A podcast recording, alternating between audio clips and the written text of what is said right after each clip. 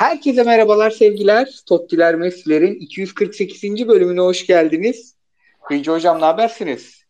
İyi akşamlar herkese. Sağ ol Koraycığım. Sen nasılsın? İyidir iyidir abi. Bir tık sesim yorgun geliyor olabilir. Ee, hanım hasta. Böyle kırıklık var biraz. Bir sevimlilik yapıp evi temizleyeyim dedim dip bucak. Belimi patlattım ya yine. Geçmiş Ondan. olsun. Yoksa gayet enerjiyim yani. Sadece biraz canım yanıyor. Fritz Agam ne habersiniz? Abi bu saat için bomba gibiyiz ya. Zımba gibi. Ben de ya.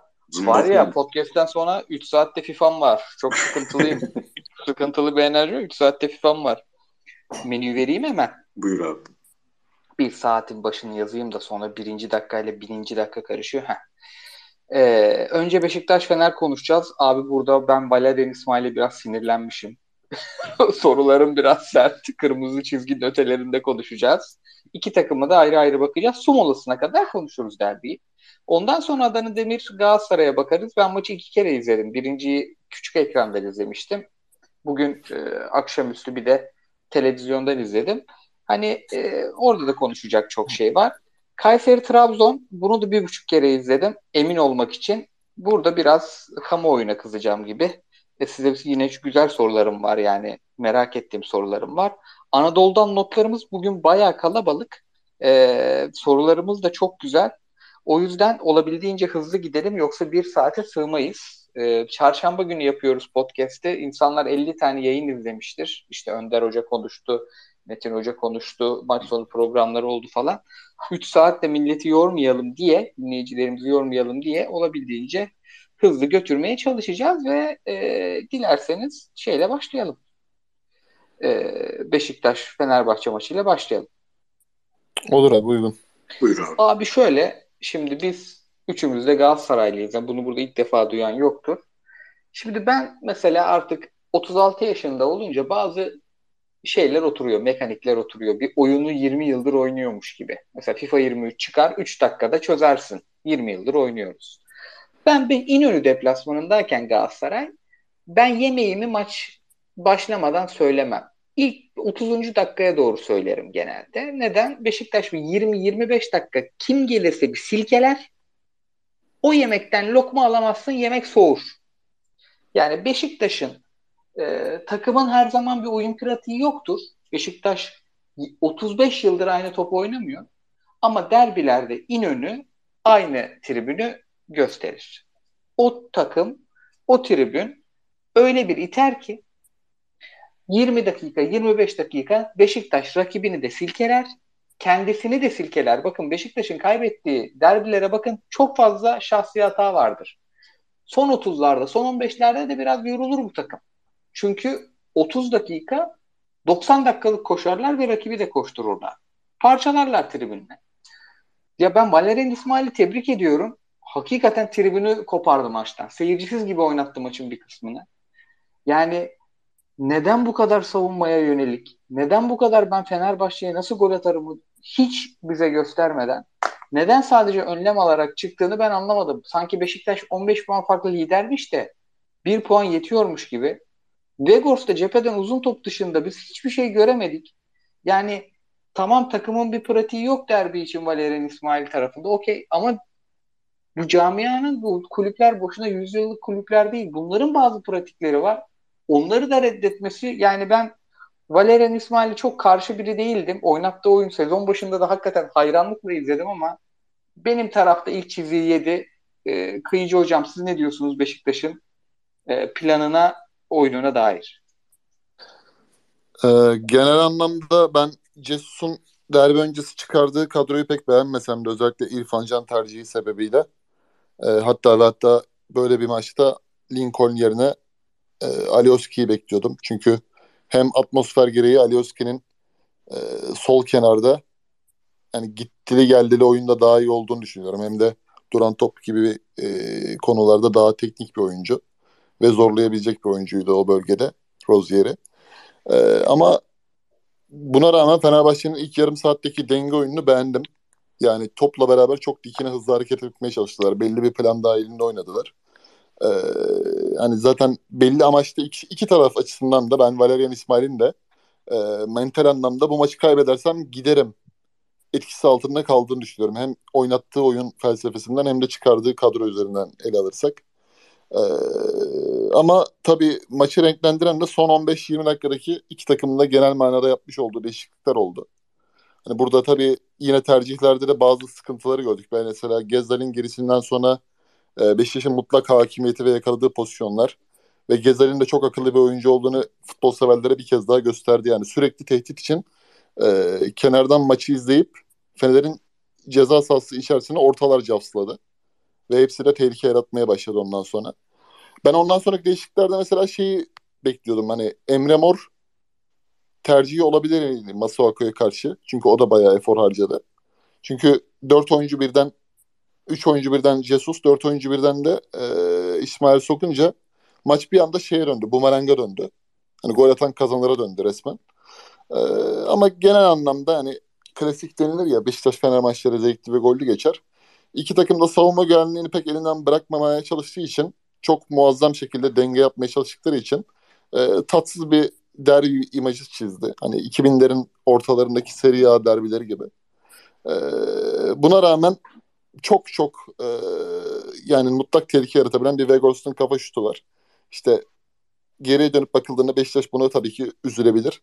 Ama esas üzülmesi gereken konu bence de senin dediğin gibi yani e, İsmail'in kadro tercihi biraz e, Beşiktaş adına fren, el freni oldu. Yani e, çok kötü bir Dellali vardı abi yani sahada. Dellali'ye yani Gezel'in bu halini gördükten sonra Beşiktaş taraftarının İstanbul Spor maçından çok, 3-3'lük İstanbul Spor maçından çok e, bu maçtaki bu atmosferde içerideki iç saha avantajıyla ezeli rakibi Fenerbahçe'yi kazanması gerektiğini düşünebilir. Yani Dellali neden 70 dakika sahada kaldı da Gezel 12-18 dakikası falan sahada kaldı diyebilir. Buna da çok hak veriyorum.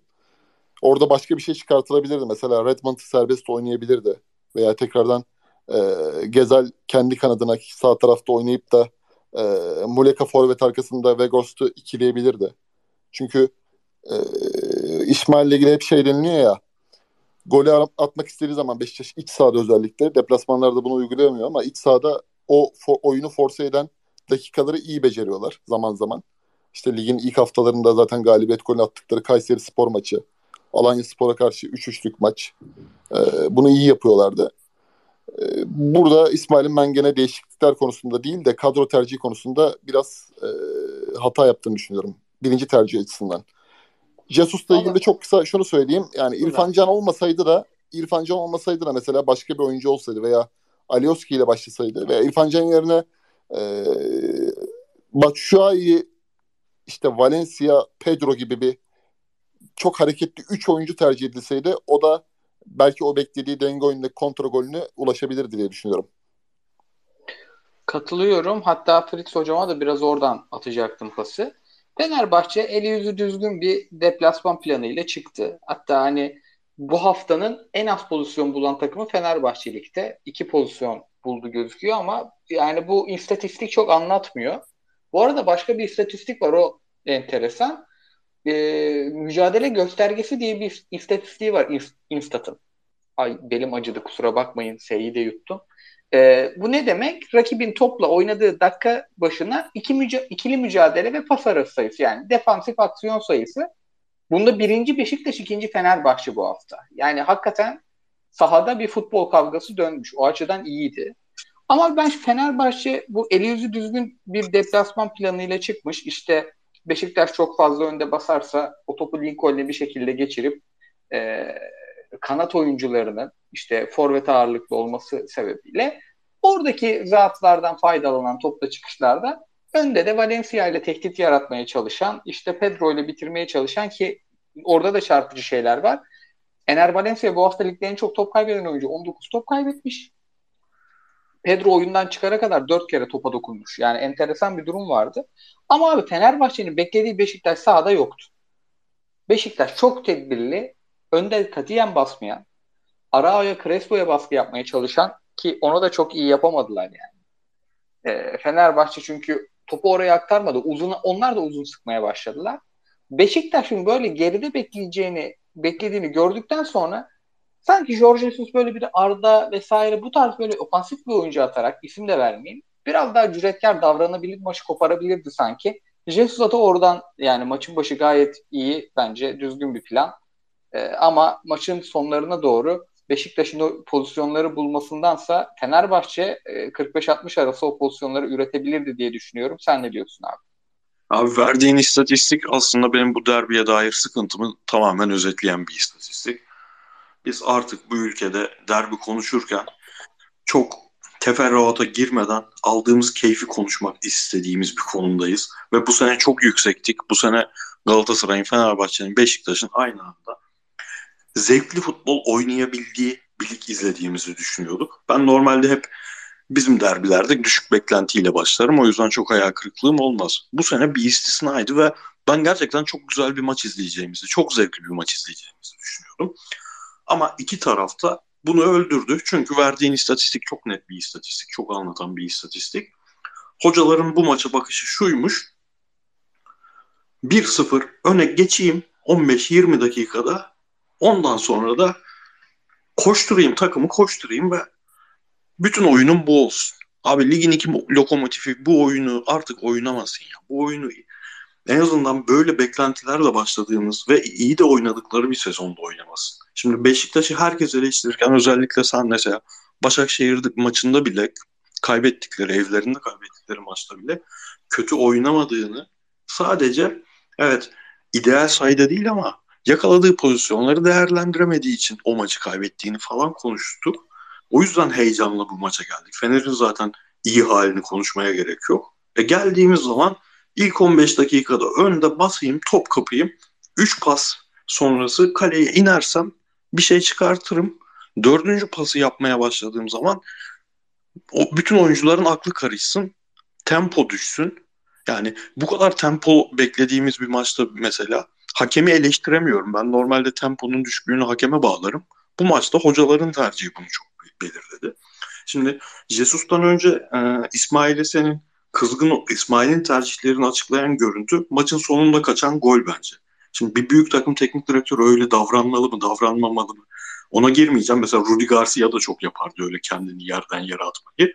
Ama işte ligin 7. 8. haftasında bir teknik direktör 0-0 olan bir maçta gol kaçtı diye o kadar kendini yerden yere atıyorsa bu adam üzerine çok büyük bir baskı vardır ve planı da ona göre hazırlamıştır. O baskıyla hazırlamıştır bu maça.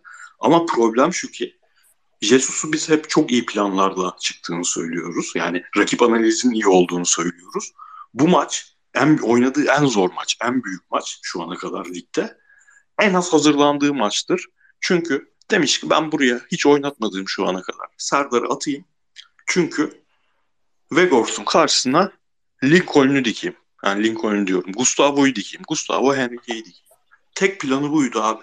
Tek planı buydu ve rakip teknik direktör ya ulan benim santraforumun en büyük özelliği sırtı dönük oyunu adam karşısına öyle bir stoper koydu ki bunu öldürdü ve e, benim diğer e, santrafor özellikle kanat oyuncum offside'a düşmek dışında hiçbir şey yapamıyor. Çünkü kaleye çok uzağız ben bunların yerini değiştireyim. Zaten uzun atmak dışında bir planım da yok.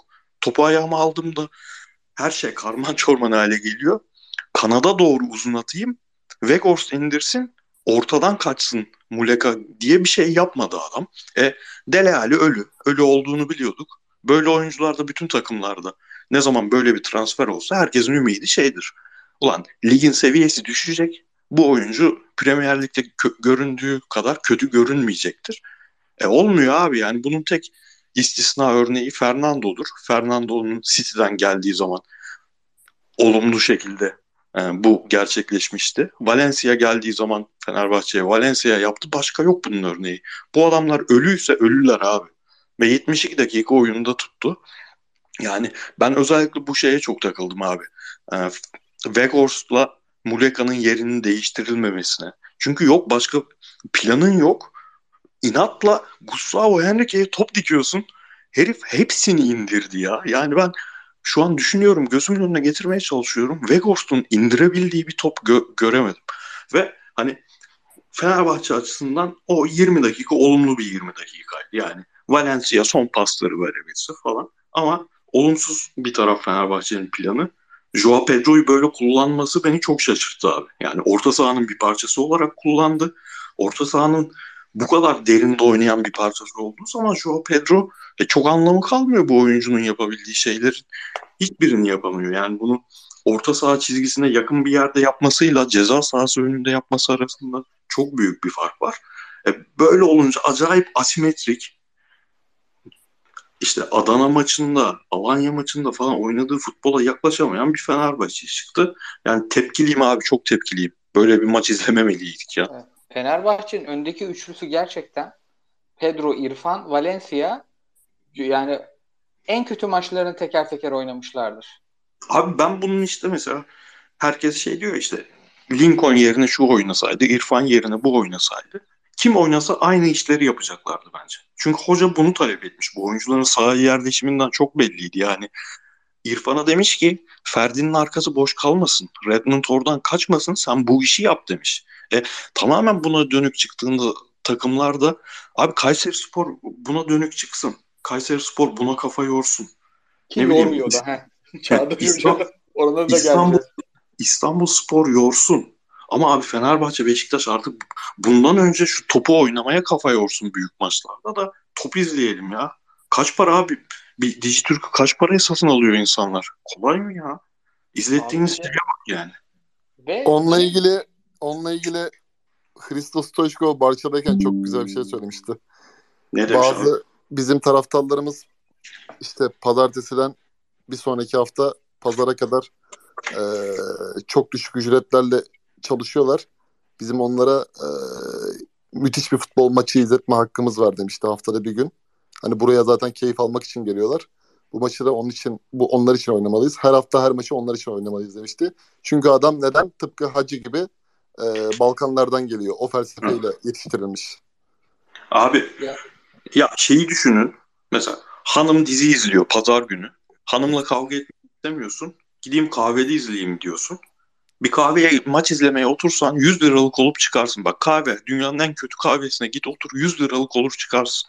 100 lira ver, vermiş milyon tane insan vardır şu maçı izleme. 1 lira etmez. Evet maalesef Aynen. ya. Bir tane var bir de. Yani senede kupada mupada denk gelmezse bir tane Beşiktaş Fenerbahçe izleyeceğiz. Evet. Valla benim benim bu podcast'e başladığımızdaki ilk programda yaptığımız maç var. 2017 Güzel maçtı o. Evet. Aynen. Mesela canavar gibi maçtı. Şenol Güneş, Aykut Kocaman. Beşiktaş çok yakışıklı takımdı. Babeli, Quaresma'sı, Talisca'sı, Negredo'su, Pepe'si. Aykut Kocaman da böyle nasıl söyleyeyim İSLA falan yeni kurulmuş Fenerbahçe ile 2-1 kazandılar. Harika da maç oldu. Biz de zaten o maçla beraber bu podcast'i çekmeye başladık. Ve Yan bir saat falan yanılmıyorsam. Efendim abi? Sen vardı o maçta Fener'de. Tabii tabii aynen. Ee, bir buçuk saat falan konuşmuştuk ve futbol üzerinden konuştuk. Ama şimdi bak şimdi şey diyoruz böyle olsaydı şöyle olsaydı çok kötü maçtı. Yani Türkiye Ligi'nin zaten en kaliteli olduğu son sezonda 2017-2018'dir. Bu sene bu sene biraz ümidim vardı ama e, genel anlamda bu derbi biraz tadımı kaçırdı. Çünkü kötü Vallahi bir kopya oldu. Bir üzdü abi yani. Hele bir de iki takımın da taraftarı olmadığın derbiler çok zevkli derbilerdir. Yani Fenerli bir Beşiktaş Galatasaray maçını eğer bir de kazandıysa öncesinde kendi takımı ekstra bir keyifle izler. Yok abi hiç yani hiç. Hep yani şey yıllar... oldu abi şimdi son kale Trabzon Beşiktaş kaldı şimdi. Bakalım Okan Hoca da büyük maçlarda normal oynattığı futboldan çıkıp çok overthinking yapan bir hoca. İnşallah o yanıltmaz. Abi yıllardır şey konuşulur ya. Dört üçlük e, Saraçoğlu'ndaki Beşiktaş Fener maçı. Fenerbahçe kaybetti ama taraftar alkışladı denir. Abi 17 sene geçti sanırım onun üzerinden. 17 senedir o derbiye yaklaşan toplam işte iki tane üç tane falan maç sayarız. Herkes de o derbiyi söyler ama yine de oynanmaz öyle bir derbi. Bakalım ne, ne zaman bir gün izleyeceğiz diye ümit ediyoruz öyle bir derbi tekrar. Bir de e, maçın içinde yani direkt bizim evde mesela hiçbir cam açık değildi. Öyle esiyordu ev. Bir su molası verildi abi. Bir su molası verildi. Fenerbahçe'nin hocasının üzerinde mont var. Ama abi o da ekstrem yani. Jesus ağamın yaş 70 olduğu için babanın kemikleri üşüyordur yani. Ama abi dışarıdan geldik biz de hava serindi ya. Ümit, Ümit Özat agamızın lafı nasıl tweet'i? O zaman iki derece daha soğursa da çay molasına başlar bunlar demiş direkt. Abi Şenol Hoca'dan alıntılanmış. Şenol Hoca 2017'de söylemiş. Ben dedim bu lafı nereden hatırlıyorum arattım. Çay molası da verilsin diye. Şenol Hoca söylemiş 2017'de. Bu arada Trabzon Beşiktaş maçına da El Şenoliko diyorlar. kaybeden, kaybeden getirir Şenol Hoca'yı. ben ben Beşiktaş'ta bir kan değişimi olacaksa Şenol Güneş'in geleceğini düşünmüyorum ya Ceyhun kazancı varken. Vallahi Cey ben e, bir hoca hatası daha yaparsa Ceyhun kazancının da ömrünün sınırlı. Ben olduğunu zaten düşünüyorum. öyle bir şey olursa Ceyhun kazancının istifa edip e, otobanı Şenol Hoca'ya açacaklarını düşünüyorum. Yani önce istifa gelir sonra Şenol Güneş gelir. O zaman zıplıyorum şeye Gaz Adana Demir Galatasaray'a. Buyurun abi. Burada da benim e, biraz tepkim var. Maçı iki kere izledim ikincide. Şimdi Galatasaray gerçekten 11-11'i iyi oynamış. Ben hatta ilk minik ekranda izlediğimde Mertens'i çok beğenmemiştim. Mertens çok iyi oynamış. İkinci böyle büyük ekran televizyondan izlediğimde onu fark ettim.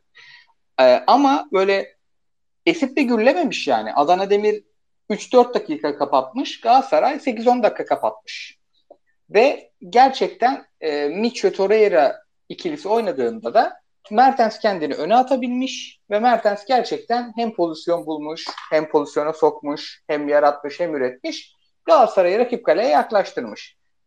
Kerem standardının bu seneki ortalamasının altında oynamış. Yunus standardında oynamış. Gomis kötü oynamış. Gol gelmemiş.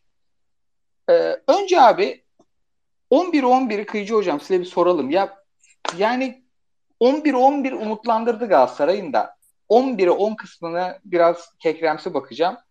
Şunu da söyleyeyim. Bütün istatistiklerde çok iyi durumda Galatasaray. Hem hücum hem bu hafta hem 8 hafta ortalaması. Yani bir şeylerin geliştiğini hem gözümüzle hem sahada görüyoruz ama istatistiklere de baktığımızda yani 11-10 benim biraz canımı sıktı. 11-11 ama bir konuşalım. Buyurunuz. Abi şimdi Galatasaray'ın genel anlamda fotoğrafını çekmek istersek bir puzzle'ın parçalarını düşünelim. Yani aldığımız puzzle 8 haftalık e, periyotta belli bir şey çıktı yani bir fotoğraf çıktı. Nedir mesela? Hoca da mesela bunu takımla beraber e, yavaş yavaş elindeki oyuncuları iyi analizle işte elindeki verilerle performans verileriyle idman verileriyle birleştirip e, bence doğru teşhis koyarak başladı tercihlerinde. Mesela e, Yusuf Sarı gibi hareketli ve son haftalarda çok asist skoru yapan bir oyuncuya karşı e, özellikle Dubois'ı tercih etti. Çünkü e, Van Aanholt'un yerine. Çünkü Dubois mesela iyi bir izlenim vermişti Konya maçında. Üzerine zaten iyi çalıştı ki o formayı aldı ve Yusuf Sarı'nın e, hareket alanı baştan kısıtladı. Zaten hani lig bir tecrübesi olan gerçekten de e, pozisyon bilgisi Lyon'da da o dönem iyi takip ettiğimiz iyi bir oyuncu ve yani 7 7 7,5'luk falan aşağı yukarı e, bir performans vermiştir diye düşünüyorum genel anlamda. E, Onyekuru'ya karşı zaten Boya gene her zamanki gibi çok iyi bir maç çıkarttı yani. Onyekuru'nun tehdit alanını tamamıyla kapattık. Yalnız bir tek şeyi anlayamıyorum ben. Bunu da bu bay geçtiğimiz süreçte Icardi'nin işte dönüşü nasıl olacak veya işte artık tamam sensin mi diyecek Mertens'e. Yani Mertens bence bu maçta Gomis tercihi gereksiz yani. Gomis bize şunu gösteriyor abi. Galatasaray santraforlu görevinde hala idrak edebilir. Ama üçüncü tercih, ama ikinci tercih. Ama birinci tercihte yani ne fizik açısından kaldırabiliyor sahada. Özellikle Adana Demir gibi zor bir deplasman ki e, iki tane genç stoper olmasına rağmen neticede yaşın 37. Hani belli anlarda belli şeyleri eskisi, eski Gomis olduğunu düşünerek yapamıyorsun. Yani yapmayı düşünüyorsun belki ama buna vü- vücudun müsaade etmiyor. Yani fizik gücün müsaade etmiyor. Ama son 20 dakikada hani bize bu sene onu gösterdi. Antalya maçındaki o nefis gol vuruşu, Ümraniye maçındaki rakip savunmaları hırpalayıp attığı gol. Yani mesela Mertens gibi bir oyuncu e, Gonzalo Higuain ayrıldıktan sonra Napoli'de ileride santrafor oynamış. Hatta santraforda değil gezici forvet oynamış. Tam böyle Adana Demir'in savunmasında o geri dörtlüsündeki arızaları değerlendirebilecek bir oyuncu Mertens. Tamam bu seneki gol vuruşu işte bu maçtaki gol vuruşu e, olmadı, atamadı, direkten döndü, kaçırdığı oldu ama bence hani Gomis'le heba edilen bu süre zarfındaki e, dakikaları Mertens'le başlayabilirdi. İlk tercih planı.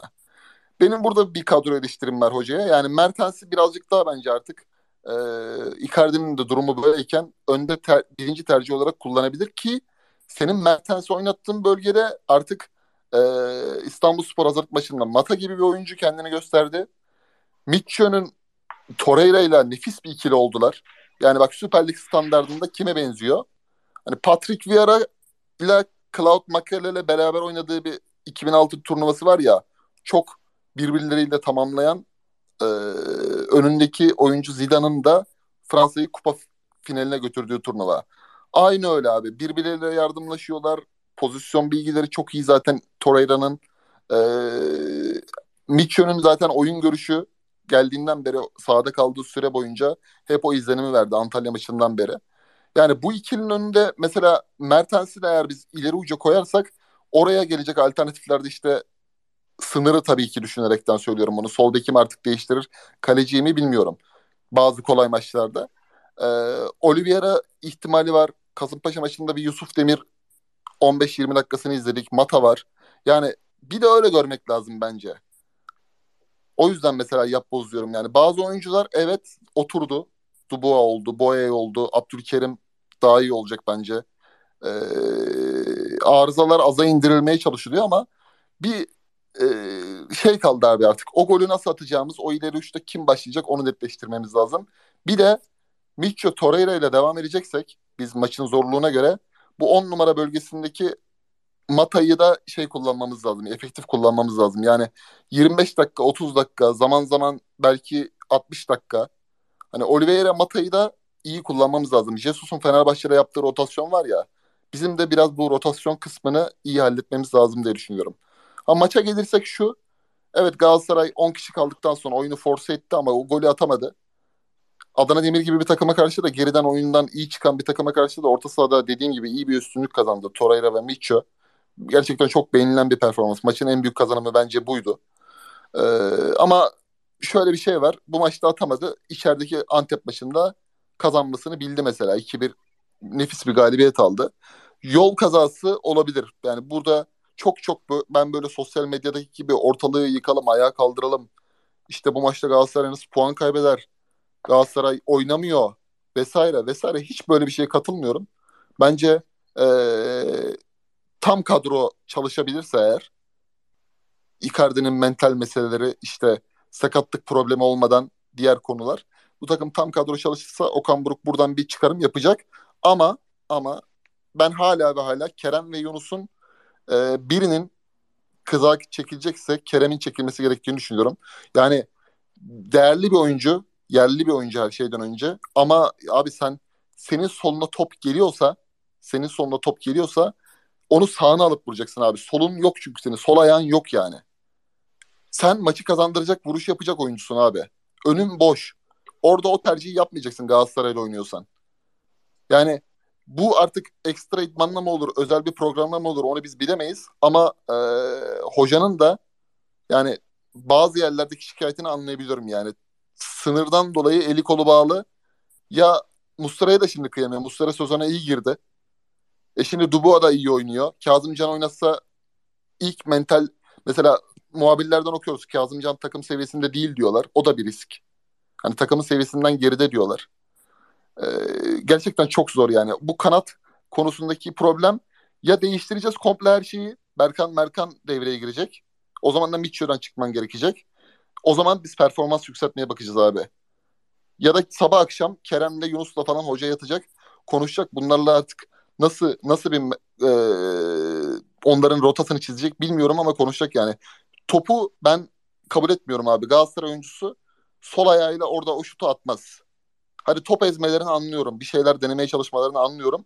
Ama gol vuruş artık onu atacaksın içeri.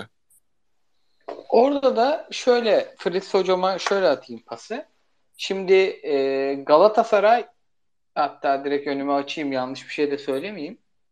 e, 8 hafta artık bir şeyler anlatıyor diye biraz ortalamalarla da konuşmak istiyorum açıkçası. Galatasaray en fazla şut atan takımı maç başına. 18 şut atıyor hala. Bu 18 şutun 4.3'ünü maç başında Yunus Kerem ikilisi atıyormuş. Galatasaray'ın 3 şutundan biri kaleyi buluyor. Yunus'la Kerem'in de toplam ortalamasını alıyorsun. Onların da 3 şutundan biri kaleyi buluyor. Yani burada ben biraz en maçı genel soracağım da ya biraz da Yunus'la Kerem'in yani ben biraz hani burada çocuklara özellikle zaten Yunus'a neden yüklenildiğini hiç anlamıyorum. Yunus iyi oynuyor zaten de.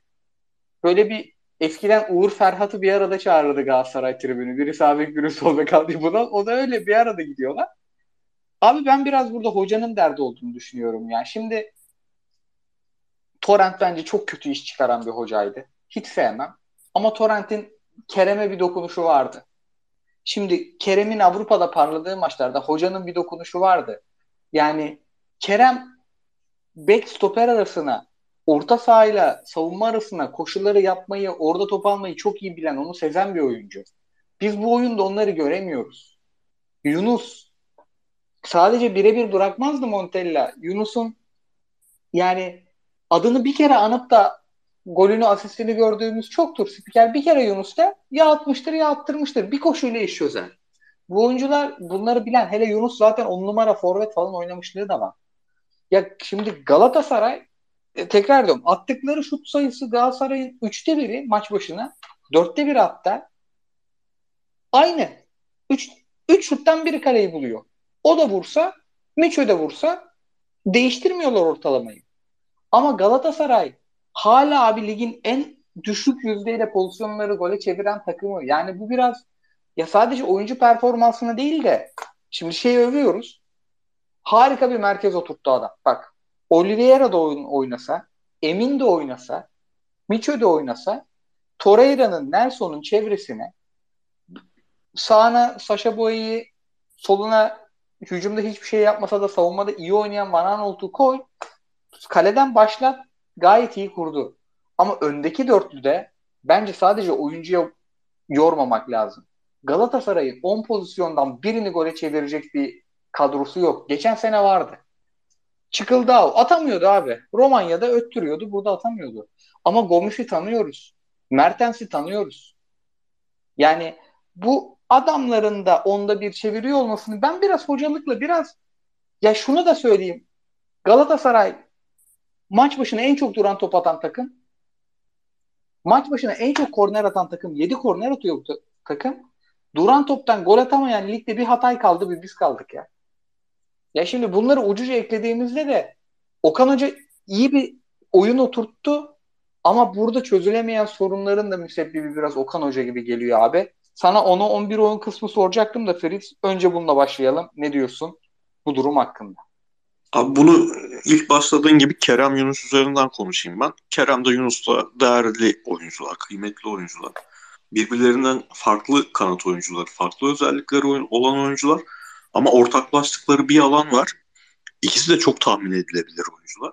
Tahmin edilebilir oldukları için yani repertuarlarında bireysel olarak e, şov yap şov yapabilecek oyuncular değil. Tahmin edilebilir oldukları için de düzenli olarak yaratman gerekiyor. Yani Yunus'u o şutu nerede çektiği çok önemli. Bunu yaratman, hazırlaman gerekiyor. Tamamen hocanın işi. Bunu ikinci haftada konuştuk, üçüncü haftada konuştuk ve Galatasaray'ın en ciddi kat etmesi gereken yollardan biri olduğunu konuştuk bunun. Çok özür dilerim. Tabii... Bunu hoca da konuştu. Ona da hakkını verelim. Kerem'in evet. oyunu kötü gözüküyordu. Gözüküyorsa bunda benim de payım var dedi adam. Aynen Kasımpaşa maçından önce ya da sonraydı. Yani e, böyle olduğu için de şimdi rakipler de eli armut toplamıyor. Yani maç hazırlığı yaparken Kerem'in topu nerede alacağını çok iyi biliyorlar. Kerem topu e, özellikle de Kerem bir de gerçekten bekiyle yaşaması gereken bir oyuncu. Şimdi haftalarca Van Aanholt oynadı. Van Aanholt'un bir maçı bir maçı değilini bırak bir devresi bir devresini tutmayan bir oyuncu. Ne yapacağı belli olmadığı için onunla bir uyum yakalamak zaten çok zor. Şimdi yerine sağ ayaklı bir bek geldi. Ona bir alışma süreci olacak falan. Adamlar biliyor ki Kerem şurada topla buluşacak ve biz onu işte kıyıcının dediği sol ayağına mecbur bıraktığımız zaman hiçbir şey yapamayacak. E, e, Yunus çok fazla içe kaçarak oynayan, orta sahayı üçlemeye falan çalışan bir oyuncuya dönüştü Galatasaray kariyerinde. Biraz oyun ona itiyor, biraz da Boy'inin performansı bunu itiyor. Yunus'un nerede topla buluşacağı e, çok açık. Bunların artık Şimdi biz bir 10 hafta diye düşünmüştük. 10. haftada falan artık net şekilde görmemiz lazım buradaki dokunuşu ki oradaki dokunuş geldiği zaman yani dokunuş dediğimiz şey de tabii anlık bir şey değil.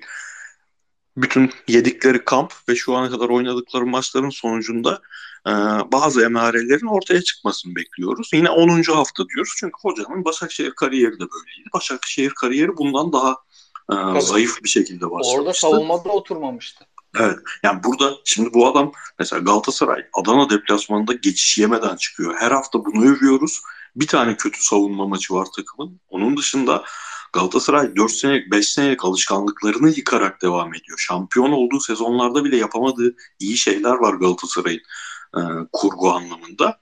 Ve bunu yapan adam bu kadar aynı gün içinde neredeyse 3 gün içinde 5 tane transfer yapmış bir takım olarak 8. haftada hala bunları yaşaması doğal, bunları yaşatması doğal ki yani e, maça dair çok uzatmayacağım abi. Tek yorumum var benim. Bu eski usul yorum yapacağım. Bana Adana Demir deplasmanından önce buradan bir puanla dönecek Galatasaray deseler eyvallah abi hiç gitmeyelim hiç yorulmayalım deseler kabul ederdim. Evet 11'e 10'daki oyun yüzdü ama 11'e 11 oynayacak bu takım hep. O yüzden 11'e 11'deki olumlu tarafa bakmak lazım. Bir daha bir değinmeden geçemeyeceğim. Onyekuru kardeşimin istikrarını övmem lazım. Abi bu ya bir oyuncu hep mi aynı stil gider bak. Ligin ilk maçı bir gol. ikinci maç iki, ikinci gol. Üçüncü maç asist. Ondan sonra 1, 2, 3, 4, 5, 6 maçtır ne asistin ne golü var bu adamın. Bundan sonraki 3 maç 5 gol falan atabilir. Sonra bir 10 maç yine kaybolacak. Maça dair en olumlu şeylerden biri de Belhanda ve Onyekuru'nun gol atmaması. Gol atsalar bu Galatasaray timeline'ı birbirine girerdi. Nasıl biz Öyle de olumlu bir tarafı var. Evet. Bu arada hani 11-10 tarafına da geleceğim. Ondan önce de şeyle toparlamak lazım. Chris'in dediğinde katılıyorum ben. Yani genel olarak Galatasaray'ı bir hem bu savunma vesaire dertlerini toparlamak aslında zor tarafı işin ve iyi teknik direktörler genelde işin savunma tarafını toplayarak başlar. E, Okan Hoca'nın da yani ben Okan Hoca'nın gelmesini çok istemiştim. Açıkçası geldiği için de ekstra memnunum. İkincisi en önemlisi e, Giresun'a yenildi Galatasaray. Bir tane tatsız maç oynamıştı sanki. Çok iyi olmamıştı oyun. Son dakikada bir golle kazanmıştı. Ben onun dışında son 5 haftadır izlediğim Galatasaray maçlarında eğleniyorum. Eğlenceli bir takım bu bazı işte bir de Sasha Boye'li vücut bulmuş böyle hem mücadele eden hem cüretkar bir havası da var. Seviyorum bu takımı. Ama bu hücum tarafında hocanın e, payının çünkü Galatasaray çok iyi hücum etmeye başladığında Icardi'si Mertens bu işin içine dahil olduğunda roller oturduğunda öveceğimiz taraf Icardi'si Mertens değil Okan Buruk olacak önce. Ya hocam toplama kadro son gün 5 tane adam geldi. Sen e, Dünya Kupası arasından önce hücum işini de çözdün. Helal olsun diyeceğiz. Ama şu an oradaki sorunun da müsebbibi Kerem'le Yunus sadece değil. Kerem'le Yunus kendi rollerinde oynamıyorlar. Bu oyuncular kanatta oynayan forvet oyuncuları. Şu an iki tane 35'ten büyük forvet oynuyor bu takımda ve geçişemiyorsun. Bu oyuncuların da sayesinde bu biraz. Kerem gerçekten kötü oynadı. İki kere izledim. Özellikle çok risk almaması gereken yerlerde çalıma falan girip atak da yedirdi Galatasaray'a. Ama yani o bunlar genç oyuncular. Bu ikisini 500 bin Euro'dan aşağı oynatabildiğin için sen Mertens'in yanına Icardi'yi alabiliyorsun bir yandan da. Diyelim kıyıcı hocamıza şeyi soralım. Abi 11-10'da Galatasaray diziliş değiştirdi. İki kere değiştirdi hatta. Önce bir Mertens'i öne attı. Arkaya Mata'yı attı. Orada güzel bir pozisyon da bir iki pozisyon da buldu. Ondan sonra bir üçlüye döndü. Seferovic girdi. Raşitsa girdi. Oralarda şunu gördük. Pozisyonlar geldi. Yani Mertens atsa içeri bitiyordu iş. Ama sen 10 kişilik Adana Demir'i stoperleri pek iyi değilken, orta saha artık yorulmuşken sen bir 3-4 dakika kapatamadın.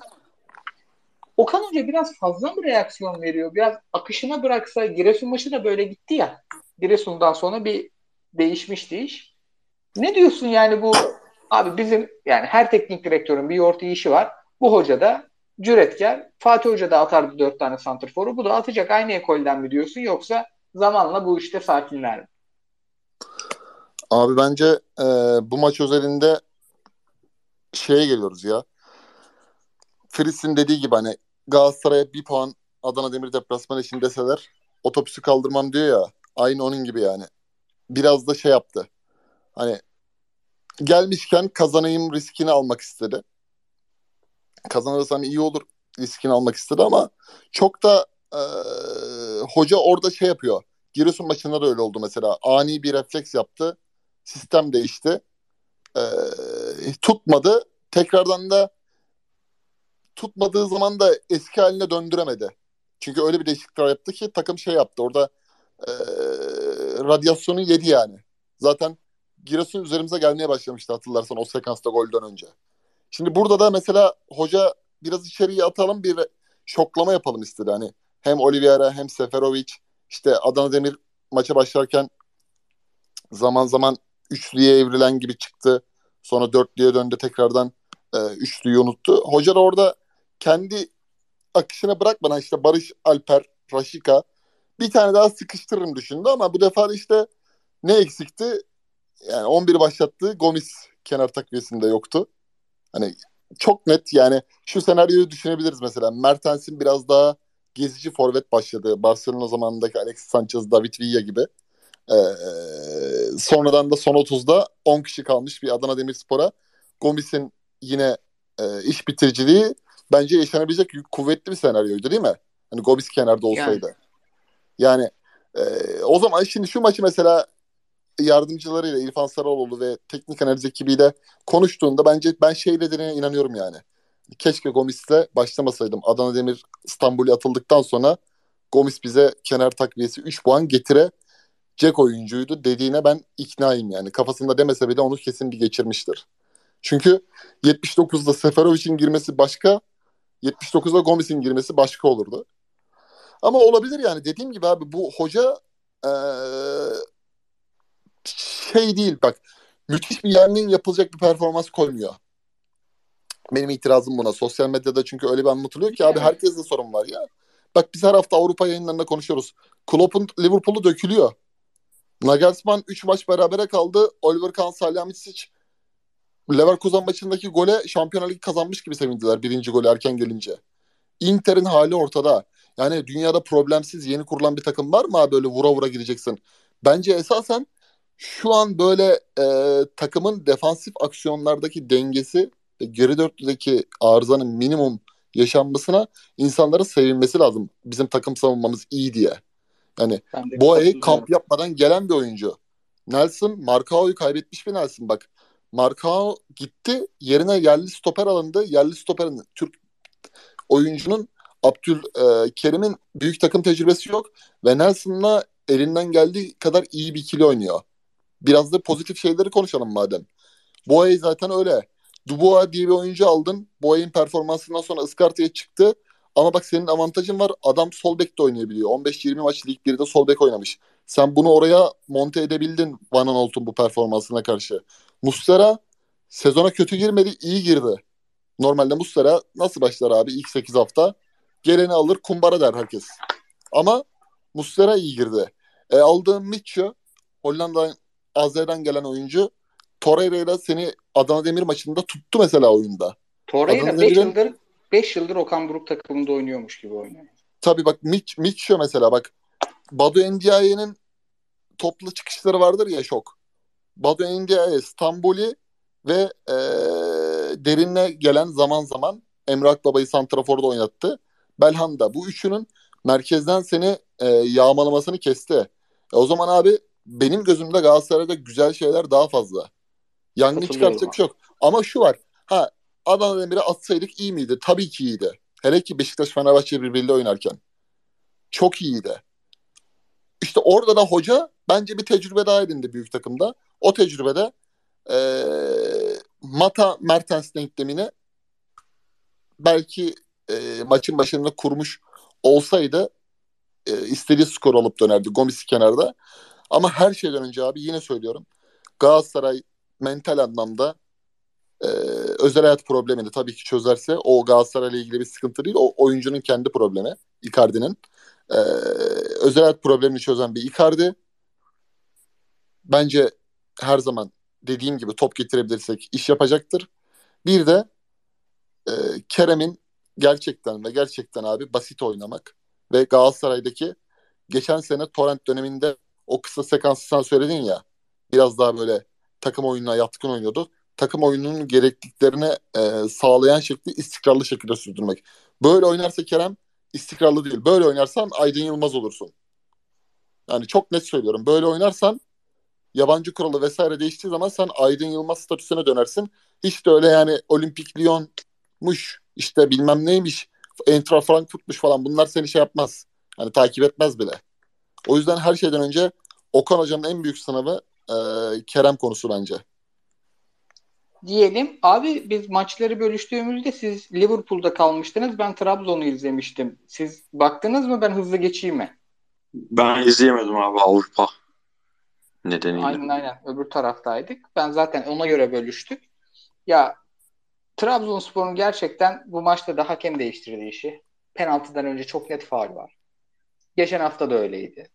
Ama geçen haftayla bu hafta arasında şöyle bir fark var. Ben bu maçı da bir buçuk kere izledim. Çünkü bazen izliyorsun. Başka bir işte o maçtaki havaya göre herkesten farklı bir atmosferdesindir. Herkesten farklı düşünürsün. Bir daha izlersin. Ha millet haklıymış dersin diye tekrar izledim. Abi ama ya şimdi golden önce bir kere dört tane net pozisyonu var penaltıdan önce Trabzon'un. Yani top gol olmuş ama kaleye girmemiş. Yani. Bu hafta en çok pozisyonu Trabzon yakalamış 12 tane. Ve gerçekten kaçan bazı çok netler var. Maxi Gomez falan hakikaten çok kaçırdı. İlk defa bu arada Maxi Gomez Trabzon'un forveti gibi oynamış.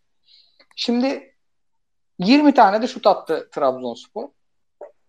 Maç öyle bir maçtı ki Kayseri'nin oyunundan da kaynaklanıyor. Kayseri topu aldığı zaman bir hakimiyet kuruyor topun üzerinde ama gerçekten kolay pozisyon verdiler Trabzon'a. Galatasaray maçında böyle olur mu bilmiyorum. Çok iyi oyunlarını izledik çünkü Çağdaş Hoca'nın. Ama bu maç o günlerden biri değildi. Benim medyada gördüğüm maçı tekrar izlememe sebep olan sanki Trabzon'un sadece hakemle kazandığına dair bir şey. Bu maç öyle değildi abi. Yani Umut Bozoğ'un attığı golde de vesaire de hep eli yüzü düzgün işler vardı. Bakasetas iyi oynadı. Ee, yani dolayısıyla onu belirteyim. Hakem skoru değiştirdi ama zaten oyun Trabzon'a bakıyordu diye ekleyip hızla geçeyim. Abi ben Trabzon'la ilgili çok kısa bir şey söyleyeyim. Bek performansının gerçekten yükselmesi lazım. Yani evet. E, Eren Elmalı ligin başına Kasımpaşa'dayken bu oyuncuyu niye görmedik diye konuşulan bir oyuncuydu. Hani ben de yerli kontenjanından dolayı e, bu oyuncu olur diye düşünmüştüm ama gerçekten her hafta geriye gidiyor. Çok kötü performans oynadı. Zaten Larsen'le ilgili bir şey söylemeye gerek yok. O sezon başından beri Trabzon kadrosunun en zayıf halkası gibi oynuyor. E, performansını onu da yükseltmesi lazım ki geçen sene orada Dorukan oynuyordu hep söylediğimiz gibi. E, bir daha bir Hamşik sakatlanmayacak. Yani Hamşik sakatlanınca e, Trabzon başka bir oyun oynuyor. Hamşik varken gerçekten başka pozitif yönde bir oyun oynuyor. Çünkü o hem Trezeguet'in yapamadıklarını yerde topa giriyor. Oyunun lideri oluyor. Hem de e, takım savunmasında hem Siopisi hem de yanında işte kim oynarsa e, ona bir tık daha katkı sağlıyor. Yani bu Bardırı olabilir, işte Doğucan olabilir veya işte ikili ikili diyoruz ya mesela yanındaki oyuncuyu da yükselten oyuncu performansı veriyor. Gerçekten e, kaç yaşında olursa olsun çok başka bir profesyonel, çok e, müthiş bir oyuncu Amşik. Umut da e, Bozok da girdi. Hani yine 3 puanı getirdi. Aynen. Çok temiz vurdu aldı maçı.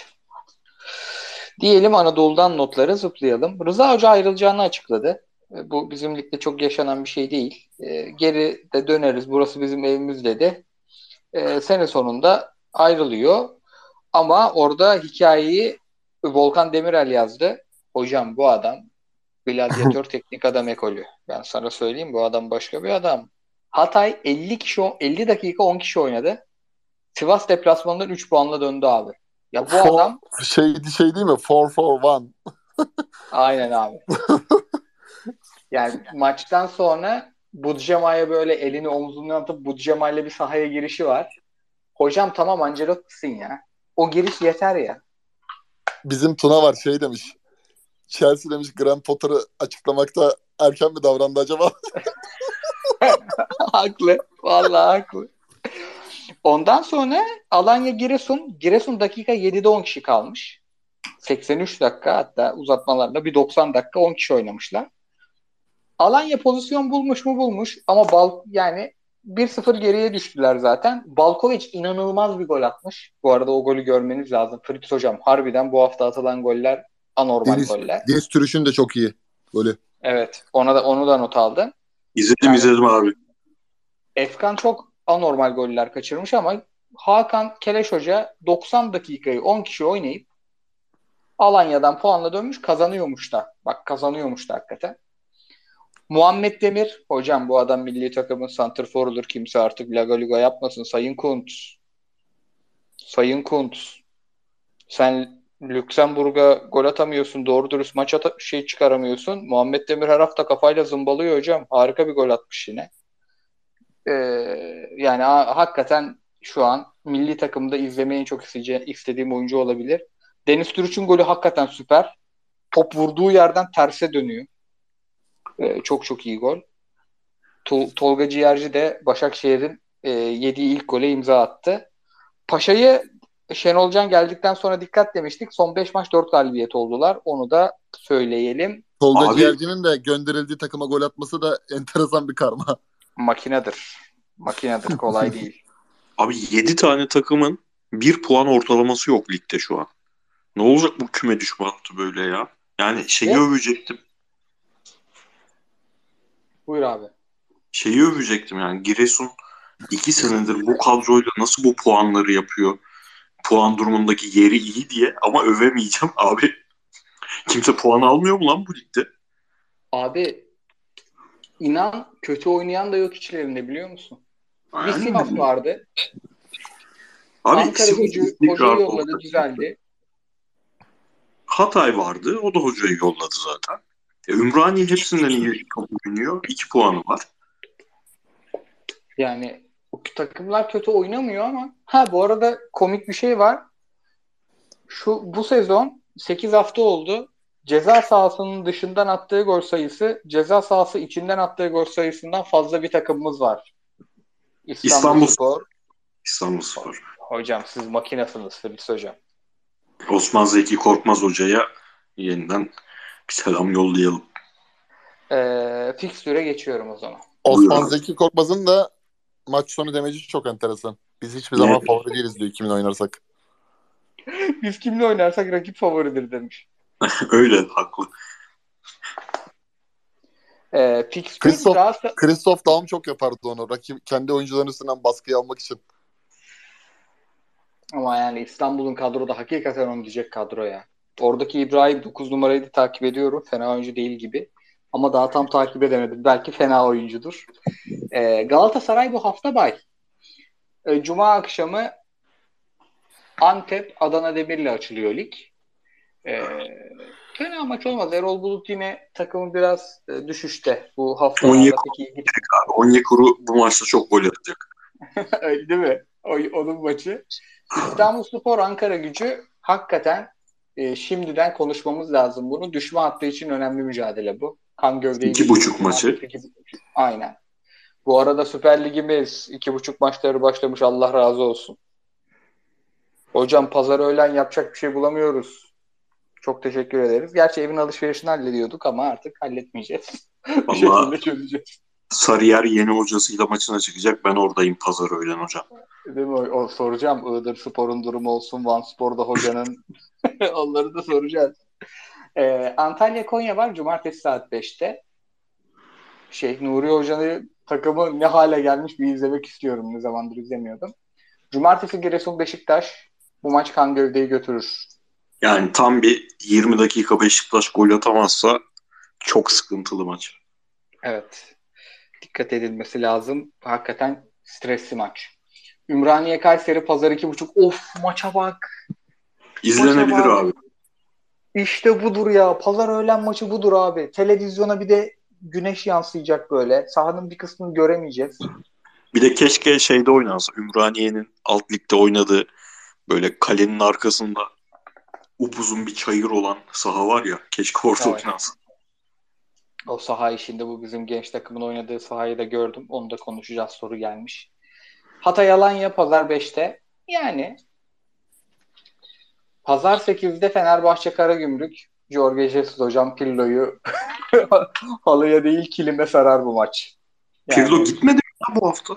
gitmedi gitmedi. Pirlo bu hafta takımı karşısına alan demeçler de verdi. Hocam. İyi.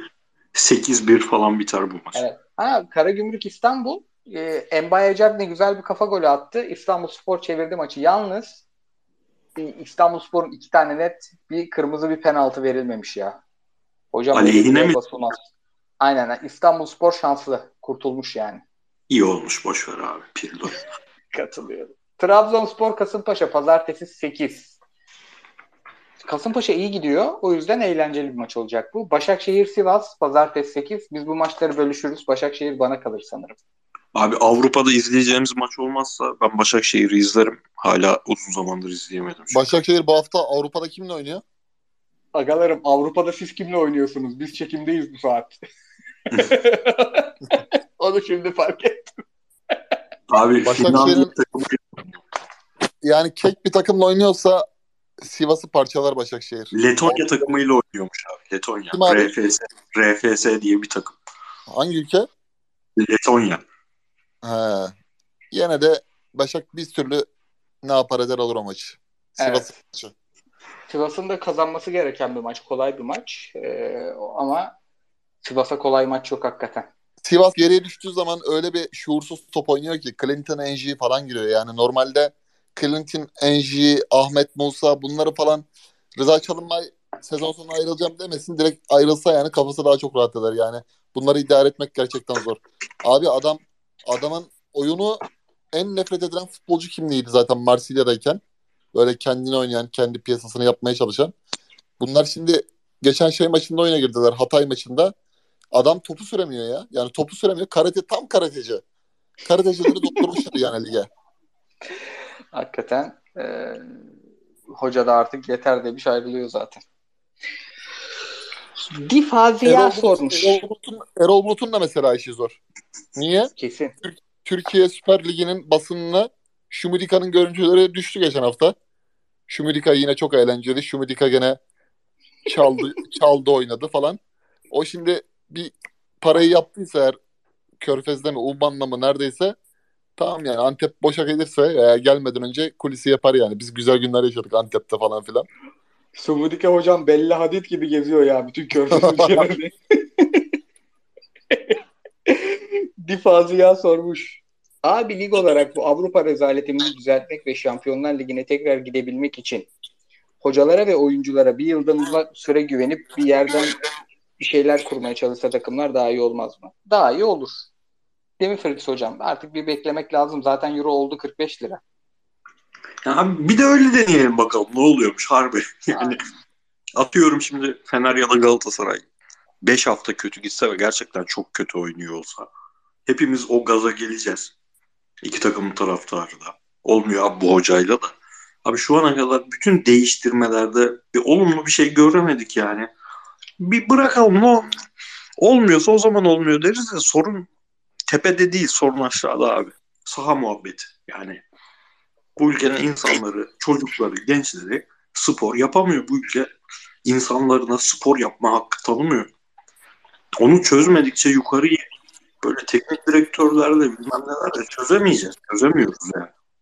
Abi bir de getirdiği katrilyonluk oyuncu da o altyapının halini gördüğünde bak onun da işe sevgisi azalmıyordur da ilgisi azalıyordur abi.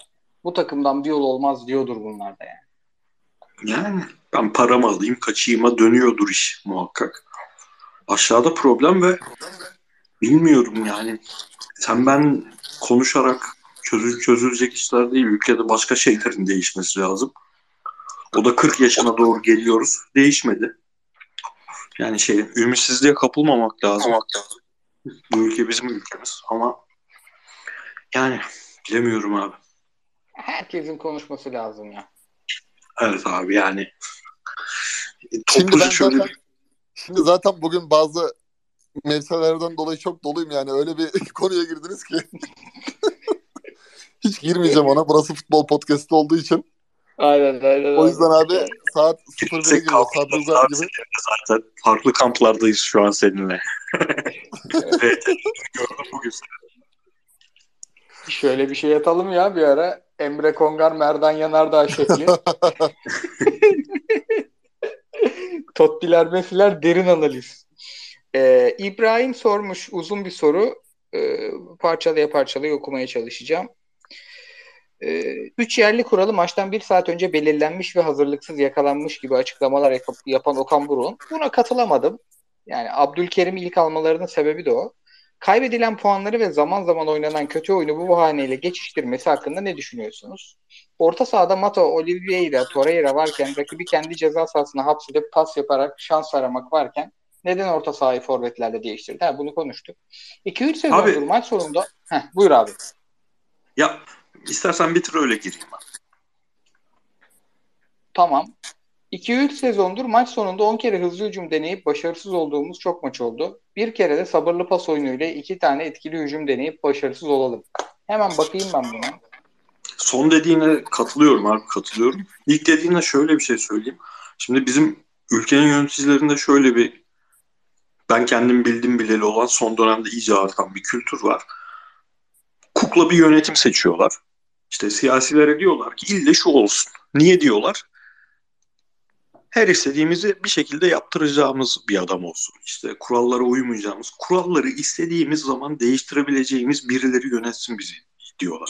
Bu ülkenin futbol yönetme kültürü kendim bildim bileli o. Son 10 senedir de tavan yaptı. Böyle insanları seçtiriyorlar. Evet 10 dakika haberleri olmuş gibi 3 yabancı 3 yerde davranıyorlar. Bunu yapma nedenleri de şu. Kendi işlerinde diyorlar ki ya ulan bu da değişecek nasıl olsa.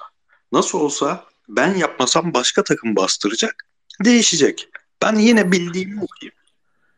O değiştiği zaman ona hazırlıklı olurum diye bir yönetme biçimi var. Tamamen bu olduğunu düşünüyorum bu. Sonra da biz diyoruz ki işte siyaset bilmem kimi seçtirdi zorla. Kulüpler ne yapsın? Yok kulüplerin suçu. Yani evet öyle bir güçleri şu an olmayabilir ama öyle bir 10 sene önce vardı. 10 sene önce de kukla yapacakları adamları seçtiriyorlardı. Sürekli bunu yapıyorlar. Sonra geliyorlar bize şikayet ediyorlar. Bana şikayet etme abi sen seçtin. Hepiniz sırtlara poz veriyorsunuz gidip bu insanlarla seçim öncesi. Sonra da şikayet ediyorsunuz. Bana etme yani.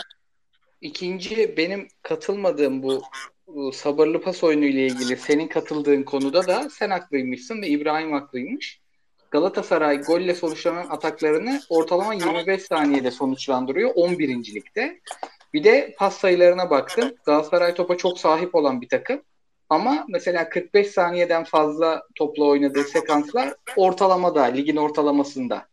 Ben Abi- sürekli Galatasaray yoğun oyun gördüğüm için mesela hiç dikkat etmemiştim. Senle İbrahim haklıymışsınız orada. Abi dünyanın her takımı ne atağı ne kadar hızlı sollandırırsa o kadar çok bunun pozisyona ve gole dö- dönüşme ihtimali artar. Yani az pas daha kolay gol demektir. Hızlı ge- geçiş, hızlı iyi yaparsan. Ama bizdeki problem derbide bence çok net ortaya çıktı.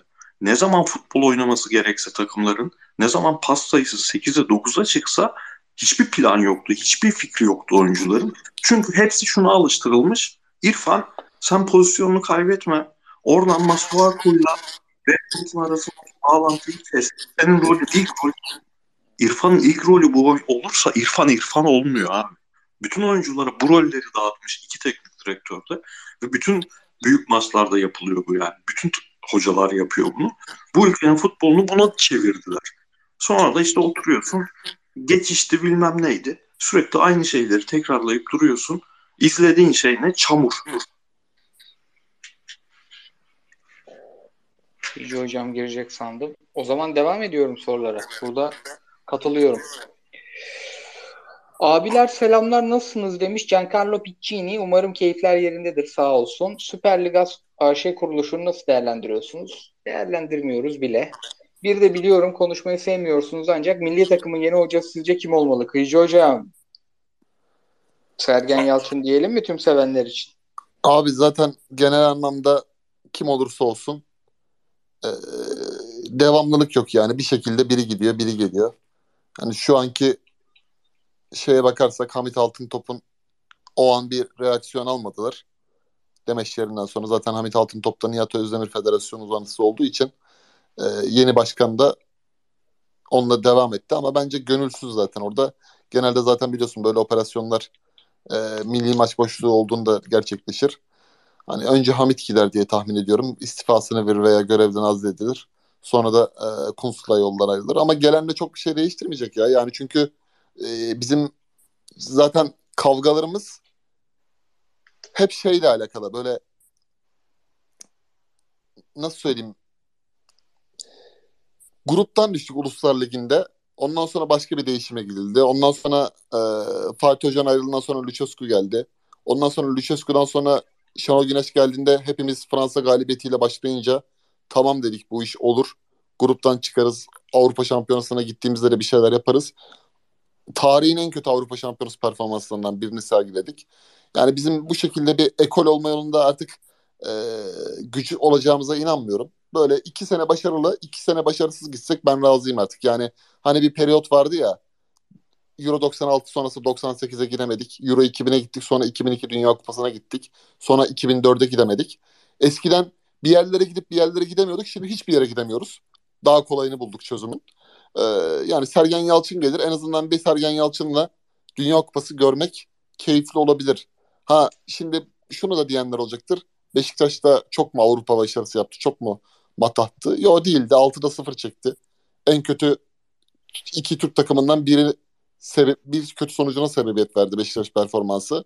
Ama kim hak ediyor dersen de e, iki isim hak ediyor. Biri şu an Galatasaray'ın hocası Okan Buruk. Biri de Sergen Yalçın eğer illa yerli olacaksa. Ya bir de 3 Beşik... Ekrem Coşkun Döner ve Ünal Karaman Hoca. Ben Ünal Karaman. Ünal, bak Ünal Karaman Hoca'nın Ölürüm Türkiye'm ekolü soslu milliyetçiliğiyle gerçekten de başka bir şey kazanım yapılabilir yani. Ya abi ya tamam bu takım Faroe Adaları'yla Lüksemburg'la falan hangi şartlar altında maça çıksa gol bile yememesi gereken bir ülke. Potansiyeli başka ülkede. Diyelim ki bir üst tura çıktık. Orada yine kitlenecek. Yani dünyanın en iyi hocası da gelse bu takımın başına bu ülkenin milli takımının futbolu yine kitlenecek futbolcu yok abi. Sinan Kalaoğlu kaç defa milli olmuştur? Bir defa ya oldu ya olmadı diye hatırlıyorum böyle. Hazırlık maçına çağrılıp gönderilenlerden.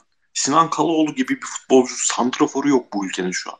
Mehmet Nas şu an futbol oynasa Mehmet veya Hakan Özmert 20 yaşında 22 yaşında olsa şu an bu takımın bankoları olur. Hayatlarında milli takım için adı geçmedi. Ya Hakan bu Aslan abi en yakın 3 sene muhteşem top oynadı adam alınmadı. Burada abi, Türkiye'de bir tek biz demişizdir Hakan Arslan niye milli takım alınmıyor diye. Abi yok topçu yetiştirmiyor bu ülke. Bu ülke oturacak Belçika'nın yaptığını yapacak. Belçika durup dururken şu anki seviyesine ulaşmadı. 2001 yılında bütün ülkeyi seferber etti. Bir sene tartıştı herifler nasıl yaparız, hangi yöntemi seçeriz diye. Bu ülkenin futbolcu yetiştirmek için yöntem seçmesi ve bir sene en az herkesin bütün işte kulüplerde bilmem neyle olan e, ajandalarını bırakıp futbolcu nasıl yetiştiririz bunu tartışması lazım. Ondan sonra tartışırsın hocayı. O mu olsun, bu mu olsun. İki maç milli oynamış. İkisi de dostluk maçıymış Sinan Kalaoğlu. Sinan Kalaoğlu. Evet. Biri Azerbaycan'la diğerini bulamadım. Ha diğeri de Avusturya'yla. Yani şu an yani bu takımın birinci santraforu çok net olur. Prime Sinan Kalaoğlu. Diyelim devam edelim. Katılıyorum çünkü. Ee, Umut Bey'in Toli, Torreira, Mitchell, Oliveira sorusunu Kıyıcı Hocam çok güzel açıklayarak cevapladı. Hızlı geçiyorum. 8 numara sormuş. Beşiktaş'ta ısrarla Şenol Güneş'in dönmesi gerekliliğini savunan bir kesim var. Valerian Hoca'nın oyununun ışık saçmadığı da aşikar. Kırılgan bir camia, kuvvetli olmayan bir yönetim ve böyle bir hocayla sizce daha ne kadar devam edilebilir? Fritz Hocam bence Şenol Güneş'i iste yani Şenol Güneş bir oyun tarzı olarak talep ediliyor Beşiktaş'tan. Hı hı. Hem oyun tarzı hem de abi şimdi bizim çocukluğumuz ve ilk gençliğimiz tamamen geçtiği dönemi hatırlarsanız Beşiktaş 8 senede bir şampiyon olan bir takımdı. Bu adam ee, böyle büyük buhranlı ekonomik krizler sonrası stat yapmalar bilmem neler falan filanla uğraşırken geldi ve iki sene üst üste şampiyon yaptı. Bu ülke tarihinin en önemli Avrupa sezonlarından birini yaşadı. Sadece sonuç olarak demiyorum futbol olarak. O yüzden o 2017, 2018 ve 2018-2019'lar değil insan iyiyi hatırlar. O iyi şeyler hatırlanıyor ve hani Şenol Hoca'nın da şöyle bir tarafı vardır. Özellikle 2009 Trabzon, 2014 Bursa ve 2015-2016 Beşiktaş'ından itibaren belli tipte oyuncular olursa bir, bütün oyuncuların çok kaliteli olmasına gerek yok. Doğru kurguyu yapabilen ve zevkli futbol oynatabilen bir adam. Şimdi Beşiktaşlı olsan şu kadroya bakıp şunu çok net dersin. Ulan bu takım harika bir 4-2-3-1 takımı.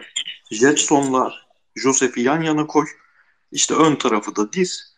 Tamam e, kulübe eksik falan ama ilk 11'i güzel futbol oynar bu takımın dedirten bir takım. E, 4-2-3-1'i de Şenol Hoca'dan güzel oynatacak çok adam yok bu ülkede yani. Katılıyorum. Kıcı Hoca? Abi Şenol Güneş geliyorsa yani Tamer Tunalı dönemde bir yapılanma vardı ya Şenol Fidan dışında. Şenol Fidan, Tamer Tuna işte e, yardımcıları. Hı hı. O tür bir isimle gelmesi lazım. Çünkü hoca yıprandı yani. Milli takımdaki Hollanda yenilgisinde yıprandı. Beşiktaş'taki son iki sezonu yıprandı. Ee, Beşiktaş'taki şampiyon olduğu iki sene üst üste başarıda bile hocanın teknik ekibi çok böyle kuvvetliydi. Özellikle e, oyun içi müdahaleleri, takımın yani Mario Gomez yoksa Oğuzhan'ın performansındaki o Atiba ile beraber yükseliş Vedik Avlağı kesiyor Oğuzhan da o kadroda 11'e girdi. Sosa sol kenar oynuyordu yani. Sosa'yı forvet arkası yaptı. Çünkü e, hem ekibi iyiydi hem de hocanın kafası çok berraktı. Şimdi hoca bir yıl, bir buçuk yıl, tabii bir yıl diyelim Hollanda maçının e, skoruna. Bir yıldır falan boşta. Hocanın e, nasıl geleceği önemli.